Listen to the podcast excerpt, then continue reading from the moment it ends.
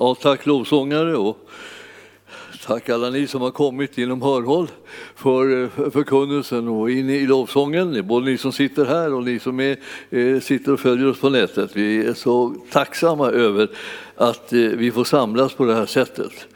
Eh, du beslutar i ditt hjärta att du låter dig församlas.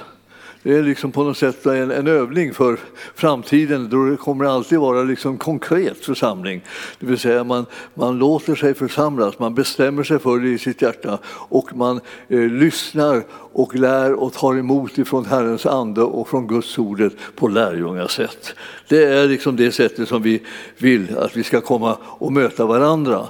Vi kommer att kunna bli en, en enig församling som är, som är trosviss och som är stark just därför att vi inte drar oss undan utan låter eh, församlingen bli synlig i verkligheten. Och det här gör vi efter förmåga beroende på lite grann av våra olika livssituationer. Men, men eh, vi som är här eh, och inte bor så jättelångt bort härifrån eh, kan göra det här i fysisk mening. Idag så ska vi tala om den heliga Ande och det har vi gjort nu i den här helgen och vi kommer att fortsätta med det. Och jag vill säga till er att den heliga Ande är ju på ett sätt någonting som för många under en period åtminstone i det andliga livet så att säga, är lite diffust. Det vill säga, det, mm, fadern det, det, kan man liksom föreställa sig. Sonen eh, vet vi, alltså det är presentationen av vem Gud är. Och, eh, och, och därför så har han kommit till oss som människa för att vi liksom ska kunna identifiera oss med honom och förstå hur han är och hur han verkar. Och eh, många saker liksom blir enklare därför att Jesus har vandrat här på jorden och visat hur han vill att vi ska leva. Och nu så, eh, så vi kommer till den heliga ande då, eh, så liksom, eh, ja, eh, så är det en del som tänker sig att han är väl som ett moln eller som en vind eller som något, något eller en del eh, har vi stannat kanske vid dis. Eh, vad vet jag liksom hur, hur det känns med en helig ande? Liksom man, liksom man vet inte riktigt vad det är, men det är något hemlighetsfullt som händer. Liksom sådär. Eh, men, men ja, så där är det när man gissar sig fram. Men nu, nu är vi inte här för att gissa. Nu är, nu är vi här för att lära. Och då, eh, då, då, behöver man gå till Gudsordet och så behöver man titta efter och så behöver man känna, alltså här, här står det ju. Här är det ju så. Och då, då är det inte alldeles enkelt. Eh, jag, jag, eh, kommer att förvänta mig att ni kommer att kunna avläsa inte bara orden som står i, i skriften utan också sammanhanget som de står i. Så att ni förstår vad det är som avses med de orden. Och till och med ordet ande ett ord som man måste förstå utifrån det sammanhang som man läser när man läser i skriften. En del kan inte skilja på eh, människans ande och på den heliga ande. En del kan inte skilja på den heliga ande och andemakter av olika slag som är mer från mörkret och skapar förvirring och konstigheter. Men vi behöver sortera det här. För vi är inga barnungar längre, utan vi är sådana som har mognat till och vuxit upp i det andliga och ska förstå andliga ting. Och därför så ska vi ta och börja här med liksom en, en, en inställning som Herren har i det tolfte kapitlet i eh, Första Korinthierbrevet. Vers 1. Och då vet ni att eh, för det första då att eh, Herren kallar alla troende för bröder. Eh, eh, eh, och jag menar, det är bara att svälja det. För att då, då tänker jag, men vi bröder, vi, men är det inte bröder och systrar? Nej, han kallar oss för bröder. Och eh, ja, det, det, det, var mystiskt, alltså det, det är något nytt påfund att vi allihopa ska kallas för bröder. Det är inte nytt, det är gammalt. Och sen ska jag vilja säga en sak till. Sen är det så att eh, eh, sen kallar han alla eh, troende när vi kommer att komma till himlen för bruden. Bruden? Vad är det här för konstigt påfund? Ja, det är inget konstigt påfund, det har varit så hela tiden. Vi är Kristi brud. Det finns ju en del enskilda personer som jag har hört gör anspråk på den titeln. Men det är Guds församling och de troende som är Kristi brud. De som är liksom kroppen, hans kropp, de som han verkar i och genom i den här världen och som han gifter sig med i den himmelska världen. Kristi brud. Så eh, kan ni nu försöka försona er med att ni både är bröder och brudar. Eller, eller brud. det, det, är liksom, ja, man tänker, vad, vad, vad är det här? Ja, jag, jag läs bara i skriften så blir det lugn så småningom. Du kommer, kommer att märka att liksom, så här är det. Mm, och varför då? Ja, ja, Herren tycker inte riktigt det här är en, fråga, en könsfråga utan det här är liksom en ställningsfråga, en andlig funktionsfråga. Och det, och det är det som vi pratar om här. Och så står det så här nu för att vi ska komma in på det här hur, hur vi lär oss att förstå andliga ting. Och då står det i första versen i tolfte kapitlet här i första Korintierbrevet. Bröder, alltså, känn dig träffad nu då, vem du än är. Bröder, jag vill inte att ni ska vara okunniga i fråga om de andliga tingen. Vad kan man dra för slutsats av det tror ni då? då? Jo, det finns en möjlighet att man är okunnig om det. Och man är okunnig om det om man inte har brytt sig om att lära sig någonting när det gäller de här sakerna. Så därför så säger, säger Paulus här, jag vill inte att ni ska vara okunniga. Var kunniga, var insiktsfulla, var erfarna när det gäller de andliga tingen. Lär er att skilja på det ena och det andra i den andliga världen. Det är meningen. Så eh, det har du säkert hört och du har hört mig predika jag har ju eh, talat om de här tingen då och då. Så här, så att eh, jag, jag kommer nu att tala om det igen. Och varför det? Därför att jag vill att alla ska vara erfarna och jag vill att alla ska också gå vidare från det ena till det andra och få bli allt mer trygga i sitt liv tillsammans med Gud. Inte bara sitta och chansa, inte sitta och känna efter och tro att det är en upplevelsefråga. Utan det här är liksom ett faktum som Herren håller på att presentera för oss, som står i Guds ordet. Och vi bygger inte på våra känslor utan vi bygger på Guds ords sanning. Och då, efter det att vi har fått tag i Guds ords sanning, så kommer ibland känslorna med på, på, på vägen. Men, men det är inte så att det är dem vi bygger på. För även när vi inte känns så, så är, är vi fortfarande då i kontakt med Gud. När jag blev liksom medvetet, medvetet frälst, det vill säga att jag, jag, jag, jag, hörde hur man skulle göra för att bli frälst. Även om jag hade trott på, på Jesus i hela mitt liv så liksom var, det, var det som att jag tänkte ja, jag vill göra allting enligt konstens alla regler nu. Då. Nu ska jag ta emot Jesus. Jesus kom in i mitt hjärta och fräls mig. Förlåt mig mina synder och, liksom, och föd mig på nytt. Jag bad bönen och ropade till honom om det. Och, och jag, jag jag, jag, jag, kände mig så, jag så, kände mig så förvandlad och så eh, tänd så, och, och, och, lycklig över det här. Och, och det, det höll i sig i flera dagar. Och så en, en morgon när jag vaknade var jag inte frälst längre. Hjälp, tänkte jag. Är jag inte frälst? Alltså, det, vad, vad, vad, vad menar jag? Jag kände ingenting. Det var det jag menade.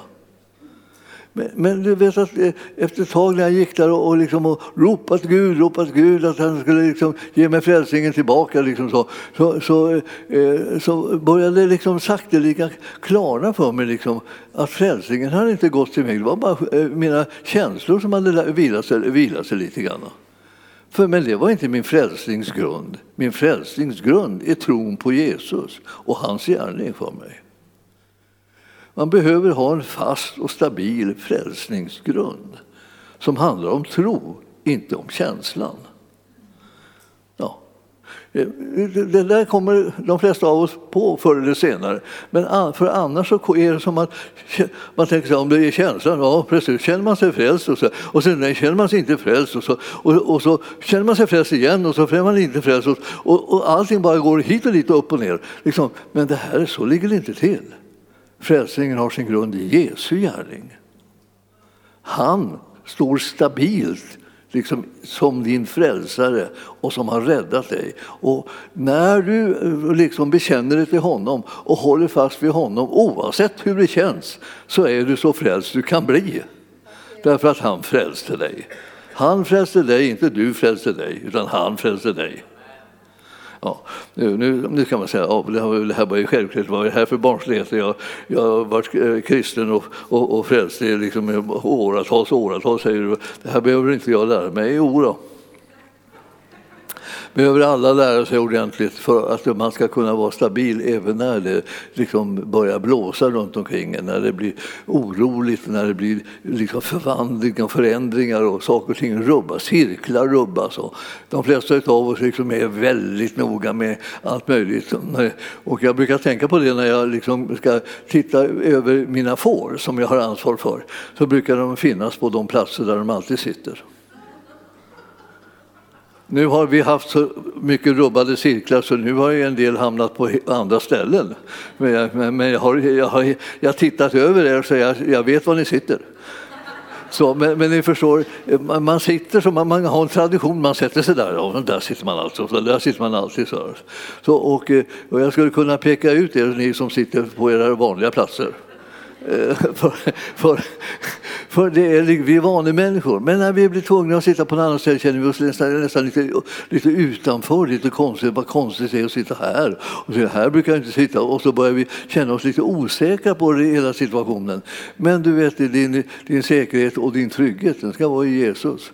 Du kan sitta på vilket ställe du vill så länge det är inom hörhåll. Det vill säga så länge som du kommer när församlingen säger nu är det gudstjänst. Ja, då kommer du ja, då, då, då blir det bra det här. Alltså. Ja, eh, eh, det, Paulus han säger så här att jag, jag vill inte att ni ska vara eh, liksom, okunniga i fråga om de andliga tingen. Alltså det här som rör det andliga. Alltså, ni ska inte vara okunniga om det. Ni ska ha en sån kunskap om det så att ni kan känna er trygga och lita på den frälsning som ni har i Kristus Jesus och, lita på den kraft som finns i den heliga Ande. Och lita på den himmelske Faderns liksom kärlek som har sänt sin son av kärlek till oss människor för att vi ska vara övertygade om att vi är älskade av Gud. Han älskar ju alla människor, ni vet. Det är liksom lite, han är inte som vi, vi liksom, vi liksom väljer ut sådär. Ja, och om, om vi ska älska alla människor så vill vi helst att det ska vara eh, andra världsdelar. Vi älskar, vi älskar hela Afrika, vi älskar hela Asien eller någonting sådär. Det är värre när vi kommer närmare. Och sen till slut så kommer man in och ska man älska hela församlingen. Och då, då måste det ske ett under, ska jag säga. Då måste det liksom, åh, jag måste vara... Det blir så väldigt konkret och, och så närgånget så det börjar bli liksom svårare. Men Herren är den som älskar oss så att vi älskar honom tillbaka och han älskar också mer och mer dem som han älskar. Och det är ju alla människor, även de som är oss väldigt nära. Även de som står i vägen älskar ju Herren. Inte för att de står i vägen, utan han älskar dem för att de ska kunna bli förvandlade och deras liv ska kunna återspegla Jesu hjärta och inte bara sin egen eh, själviskhet eller krångel. Ja, Herren kan göra under i människors liv och det tackar vi för. Ehm, och en del tackar för att han eh, ändrar andra och gör ett under och en del tackar för att han ändrar dem själva. Jag skulle börja med det själv. Det brukar alltid vara mycket enklare och, liksom, alltså, och allting lättar om man själv får den förvandling och den förändring i sitt liv som man behöver än att man försöker liksom rätta till hela omgivningen. Ehm, det brukar de inte vara tacksamma för. Utan man ska, man ska tänka på Herrens ande och, och, och Herrens kärlek, så att säga. Eh, de, när de kommer över en och in i ens liv så, så, så börjar man liksom bli lite mer generös. Man vågar ge lite andra lite utrymme och lite plats. Ja, vem vet eh, hur, hur det är det där. Det här, ni kommer att undervisa en om det. Här står det nu, var inte okunniga om de här andliga tingen. Det är viktigt att känna till dem. Och då ska vi se här i början av det här kapitlet, det tolfte kapitlet. Det finns vissa, eh, vissa kapitel så här som är bra eh, när det gäller de andliga tingen. Det här är ju första Korintierbrevet 12. Men Romarbrevet 12 det, är, det handlar mer om grundgåvor. Ni vet de här som man har bara därför att man föds in i världen. Så har Herren liksom rustat den med en viss rust, utrustning, en slags läggning, en slags inställning, en slags förmåga och olika gåvor som finns i ens liv. Och som man behöver kunna orientera sig lite med, så man fattar vad man är för slags person. Så man inte går hela livet och försöker vara precis någonting annat som man inte är. Och därmed känner man sig hela tiden som att man inte lyckas leva det livet som man har lust att leva. Du har redan fått ett liv som, är, som, så att säga, som har sitt, innehåll och, med, och du har den utrustningen som Herren vill. Hitta den och liksom var glad över den gåva som du har fått där, eller om det har varit flera gåvor. Det, det, är det här det hittar du i Romarbrevet 12. Så läser du det där så kan du tänka, det låter nästan som sådana här eh, nådegåvor, men det, det är liksom eh, grundgåvor istället. Och eh, det, därför så, så, ehm, eh, så, får man liksom lite ledning av det där. Eh, det, det, finns ju lite, en, jag skrev en liten, liten bok, den var så liten och tunn den boken, eh, så, eh, så den kom, jag tror att den har kommit bort nästan. Jag fick leta jättemycket i morse liksom efter den, men jag, men jag hittade den inte förrän jag kom till, här till kontoret. och hittade jag ett ex, ett ex av den lilla boken. Det är en liten tunn grön bok. Ja, nu tänker jag mig att du ska skaffa den liksom och läsa den om du inte har gjort det. En liten tunn grön bok. Och eh, mitt kort är på framsidan och mitt kort är på baksidan. Det är en ovanligt självupptagen eh, eh, liksom om, omgivning. Jag vet inte varför, hur jag kunde hamna på framsidan så här, så jag är mycket nöjd med mig själv. Jag har skrivit en lilla minibok. Och, eh, och sen om man vänder på det så är jag där igen också egentligen och blir presenterad. Ja, ni behöver inte läsa framsidan och baksidan, ni behöver bara läsa det som är mellan pärmarna och där kommer ni få lära känna de andliga tingen. Och framför allt kommer ni att lära känna liksom då det som man är lite grann ovan vid, nämligen grundgåvorna. Sen, eh, om ni går ner lite grann nu i tolfte kapitlet i första Korintierbrevet. Ni har era biblar med er hoppas jag. Ja, Ja, några stycken har frimodighet att sticka upp dem och de andra försöker hålla, eh, ja, se ut som om de läser det bara. Ja, men ni ska gärna, ta gärna med er era biblar, det, det underlättar när jag ska lära er liksom de här tingen. Därför att det är i, i Bibeln som ni ska hitta det, ni ska inte bara tro på det för att jag säger det. Nu, nu tänker jag tala sanning mer, men, jag, men, men ska du lita på någonting ska du lita på bibelordet. Och nu, nu går vi ner i bibelordet här och så tittar vi i vers eh, eh, 4. Det finns olika slags nådegåvor, men anden är densamma. Och nu när, vi, när, när, när man ser att anden skrivs med stor bokstav eh, så menar åtminstone den som har skrivit, gjort översättningen att det ska syfta på den heliga Ande. Så, eh, det, då, eh, och det, den slutsatsen har han dragit av om, om, om, eh, om liksom själva omgivningen. Att det här nu handlar om den heliga Ande. Det handlar inte om människans ande, det handlar inte om vilka andar som helst, utan det handlar om den heliga Ande, stor bokstav. Ni kommer att märka ibland att det står liten bokstav i, i biblar eh, fastän det borde vara stor. För ni märker att det här handlar om den heliga Ande och inte liksom bara om Anden i största allmänhet.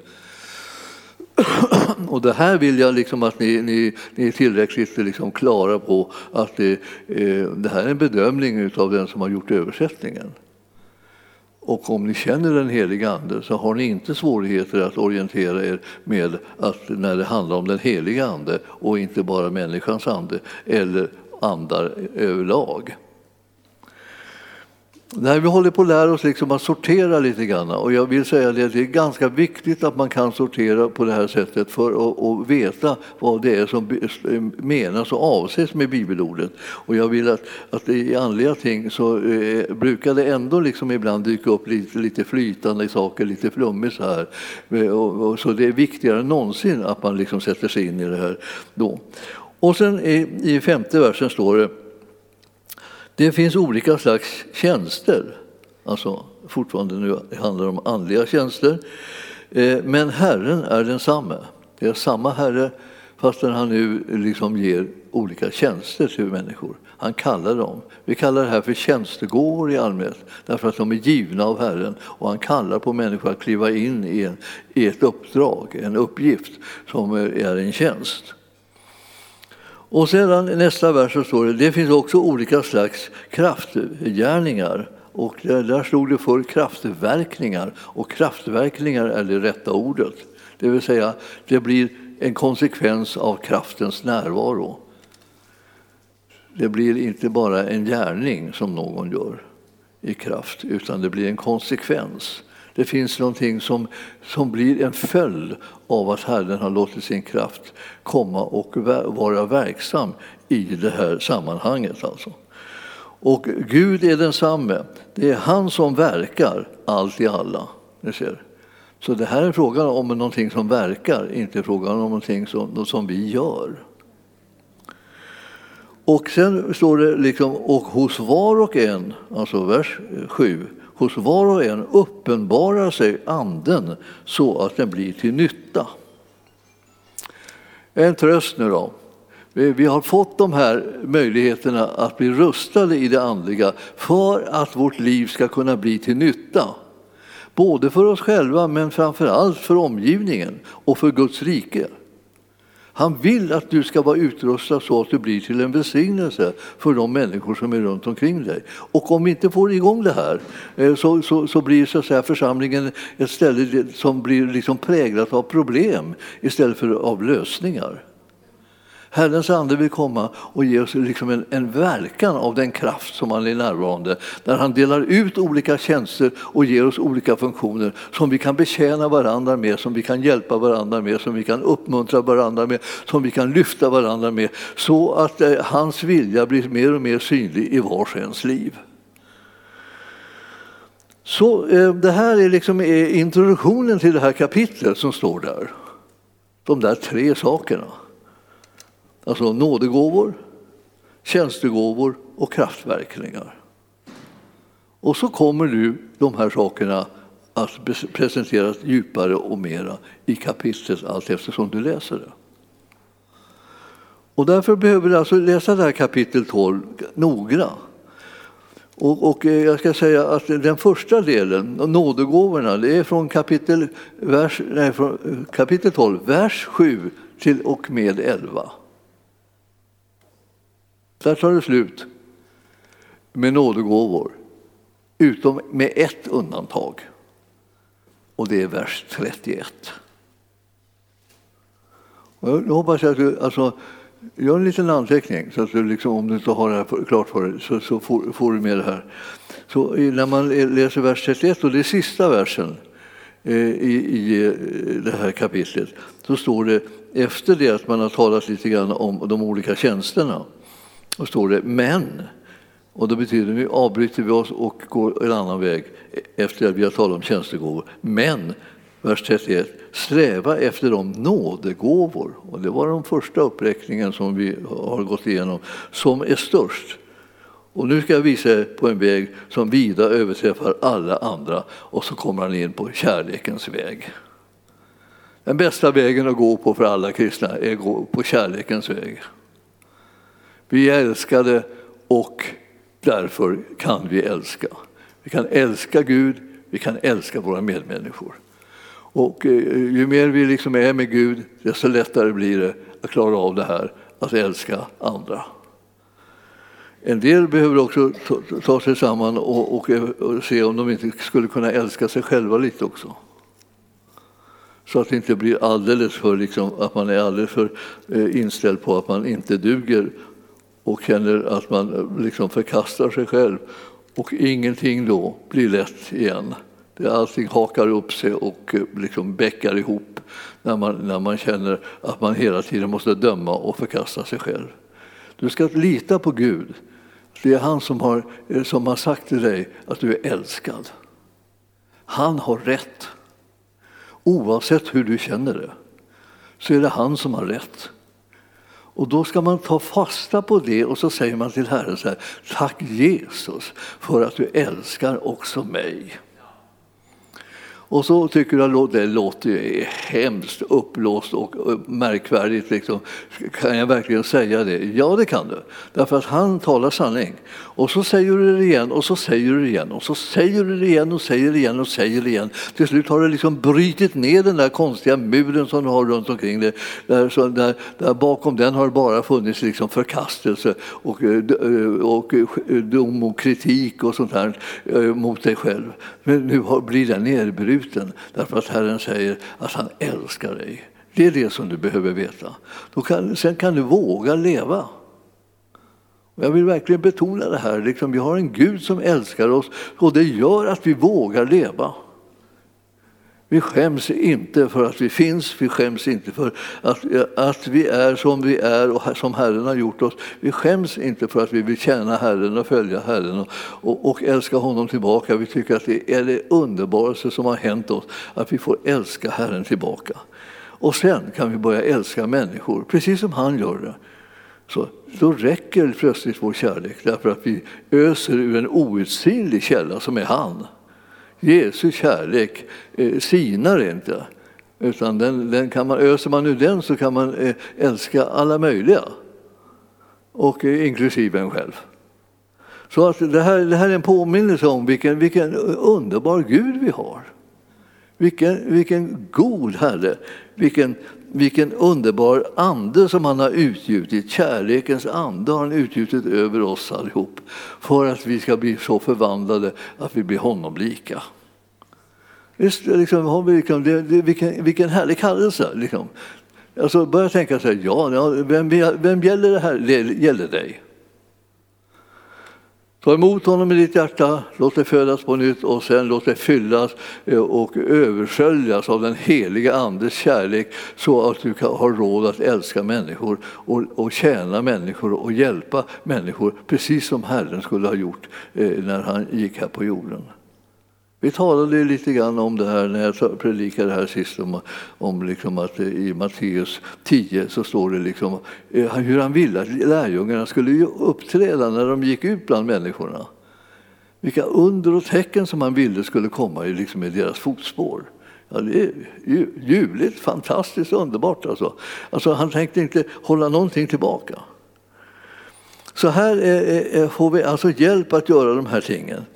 Det första är den första gruppen här nu som vi, som vi har talat om, alltså det, det är ju nådegåvorna. Och nådegåvorna är sådana där som står till förfogande för människor som de kan liksom utbedja sig om, de som har blivit troende, eh, när helst de behöver dem.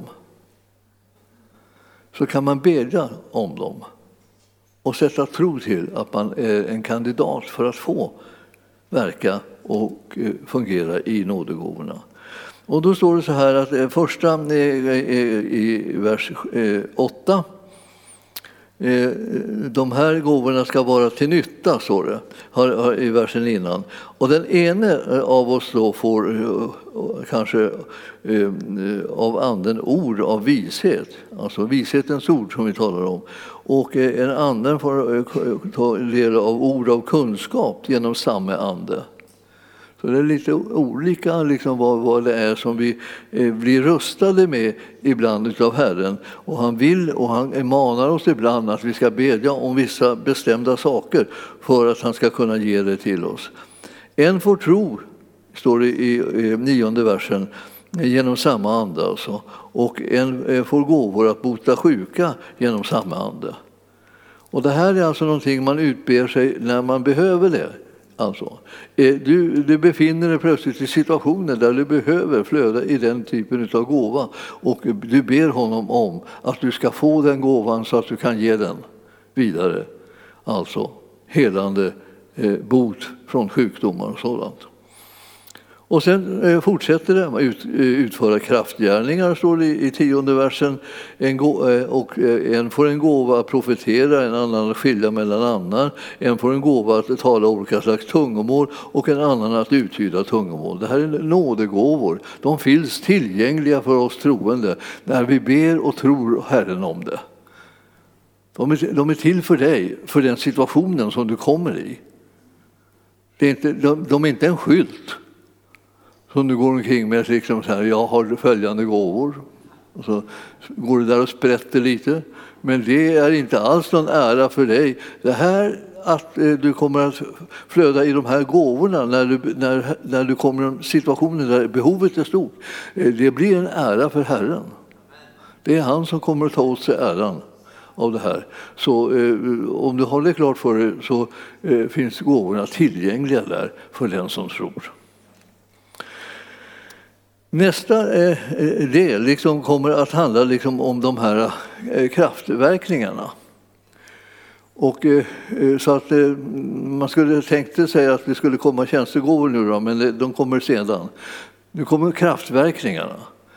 Så, så att från, från det avsnittet, som det elfte avsnittet, så började det handla om kraftverkningar. Och där står det så här, men allt det här verkar en och samme ande som efter sin vilja fördelar sina gåvor åt var och en.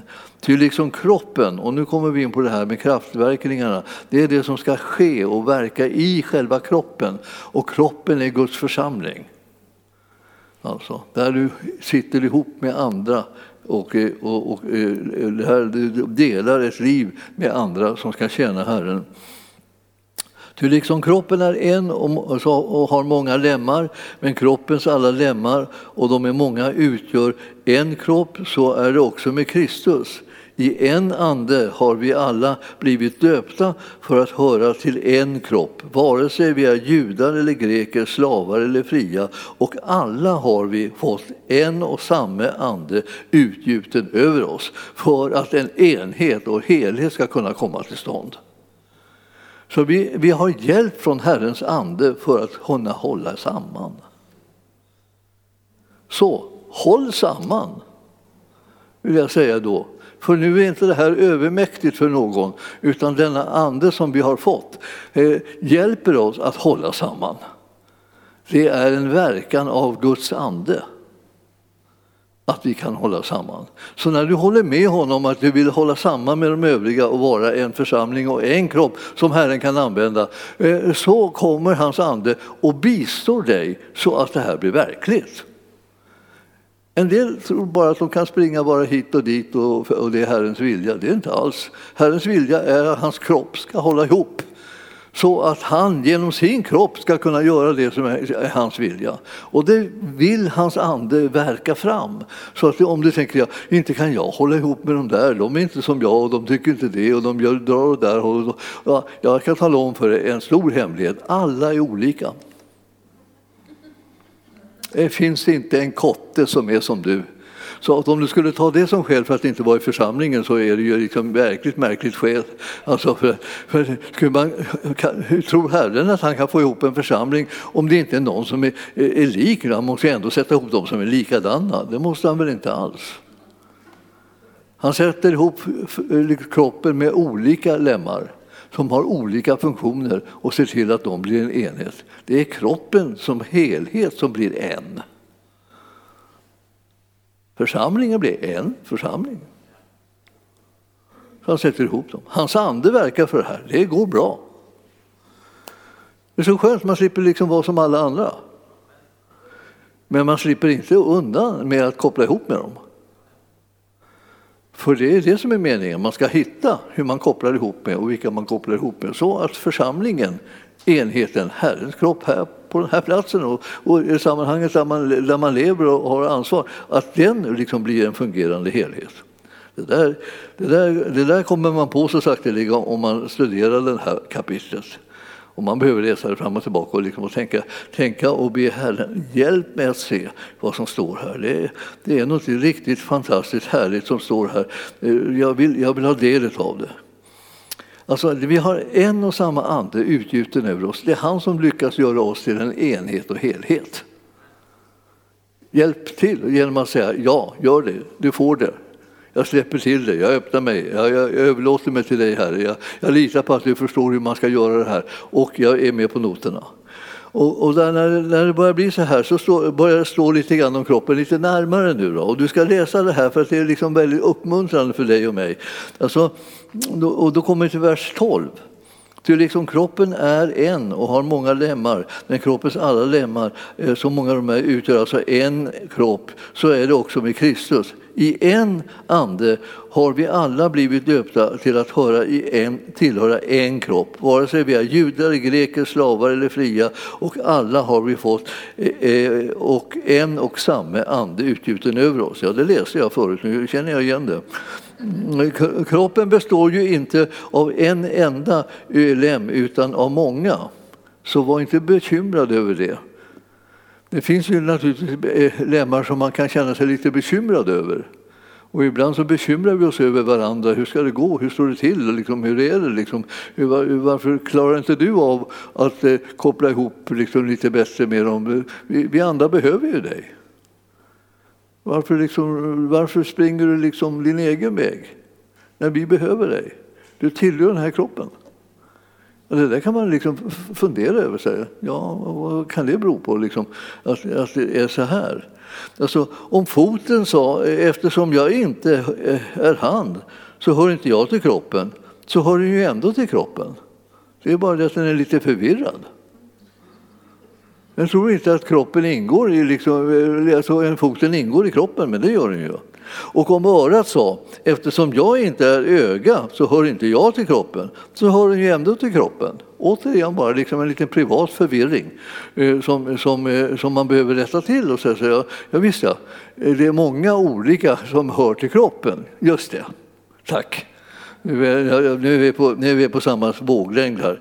Och om, om örat sa så att jag, att jag, jag inte är öga Eh, så hör man inte kroppen. Alltså det, är jätte, det här är ju verkligen korkat, hoppas man inte är så här korkad.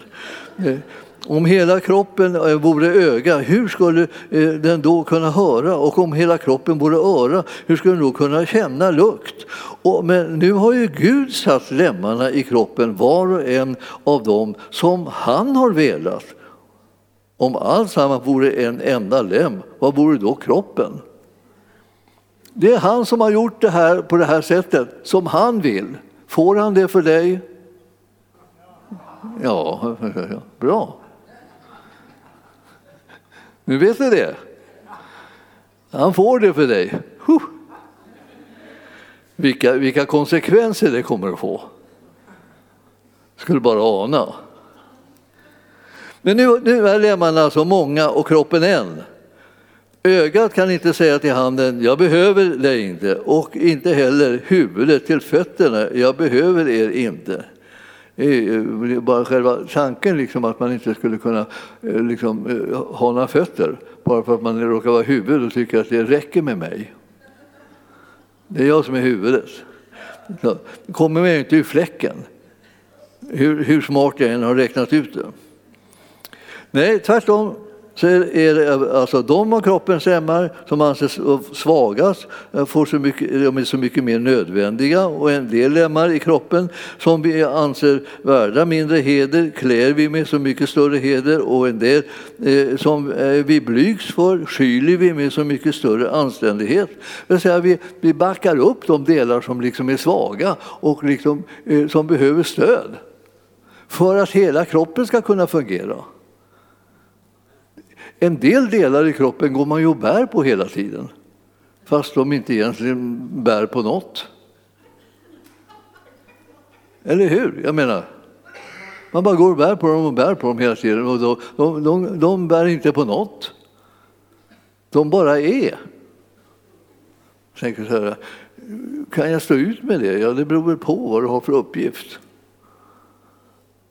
En hel del står ut med att bära på de som är svagare.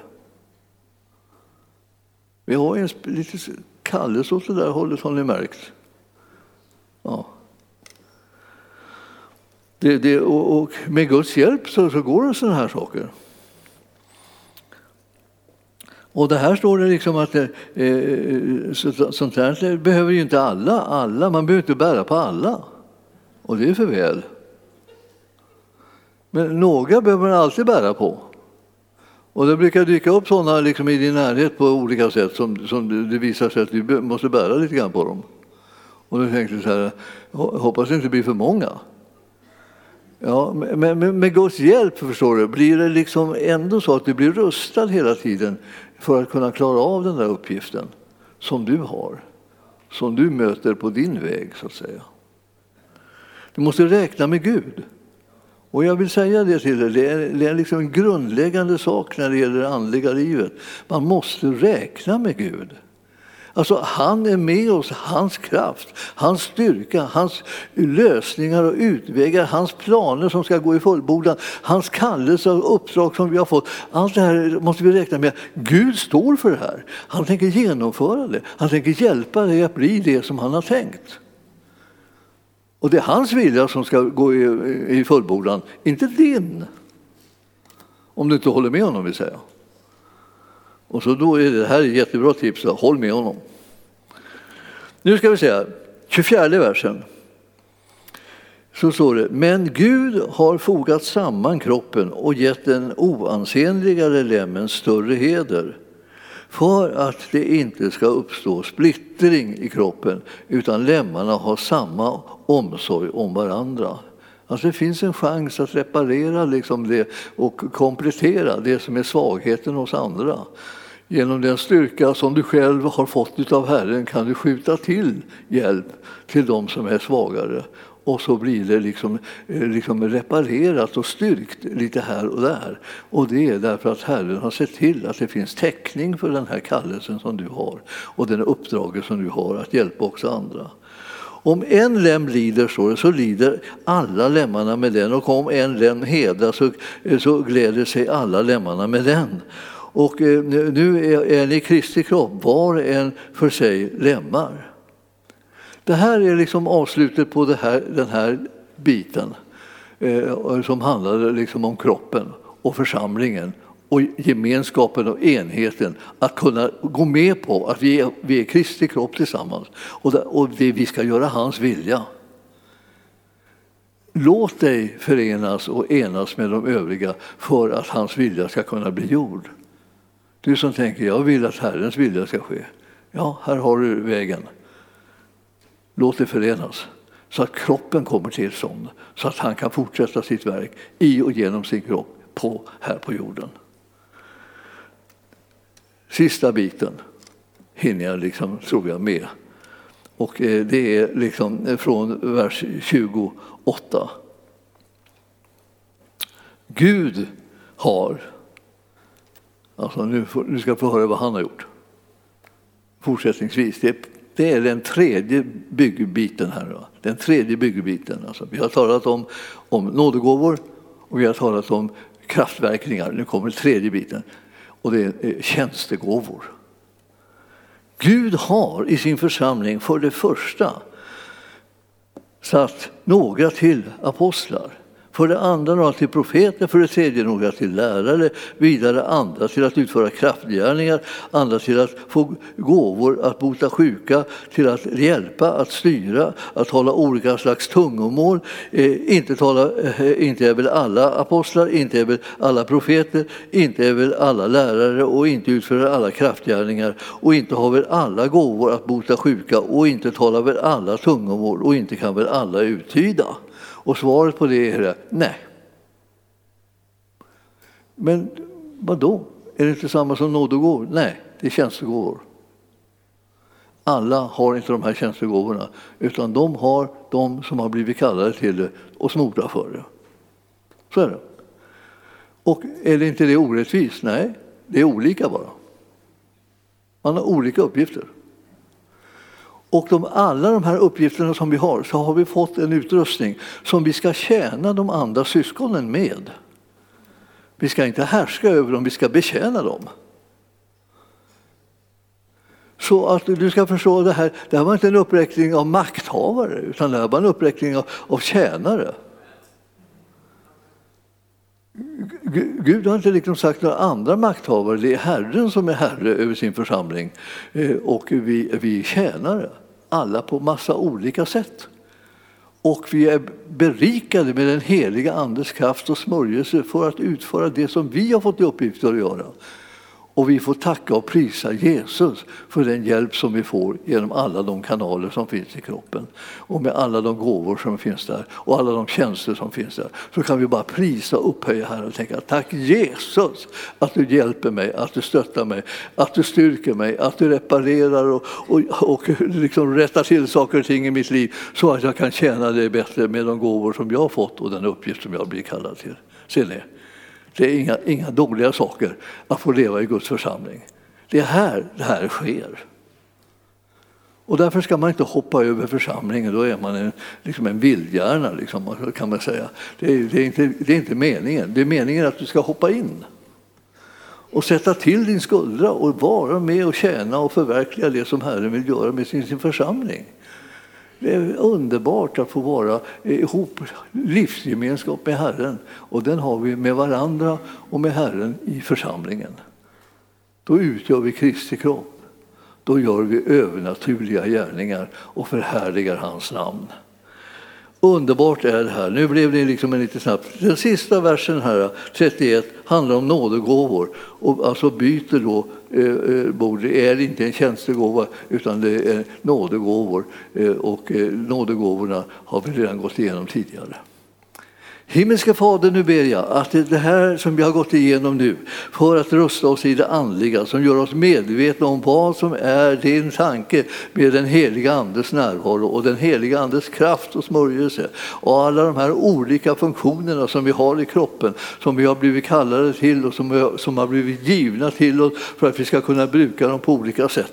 Vi, vi ber här att vi ska kunna få klarhet om det så att vi kan göra din vilja övernaturligt. Vi vill inte bara göra göra något det som är naturligt och möjligt och sådär, utan vi vill göra det som kräver att du är där med din fantastiska kraft och makt och genom den heliga Ande gör det omöjliga möjligt så att vi kan förhärliga ditt namn här på jorden. Precis som när det var när du vandrade omkring här på jorden och gjorde gott och botade sjuka och uppväckte döda och gjorde spetälska rena och du drev ut onda andar och du gjorde människors liv helt förvandlade och befriade befriade. Vi vill vara med i den skaran som gör på det sättet.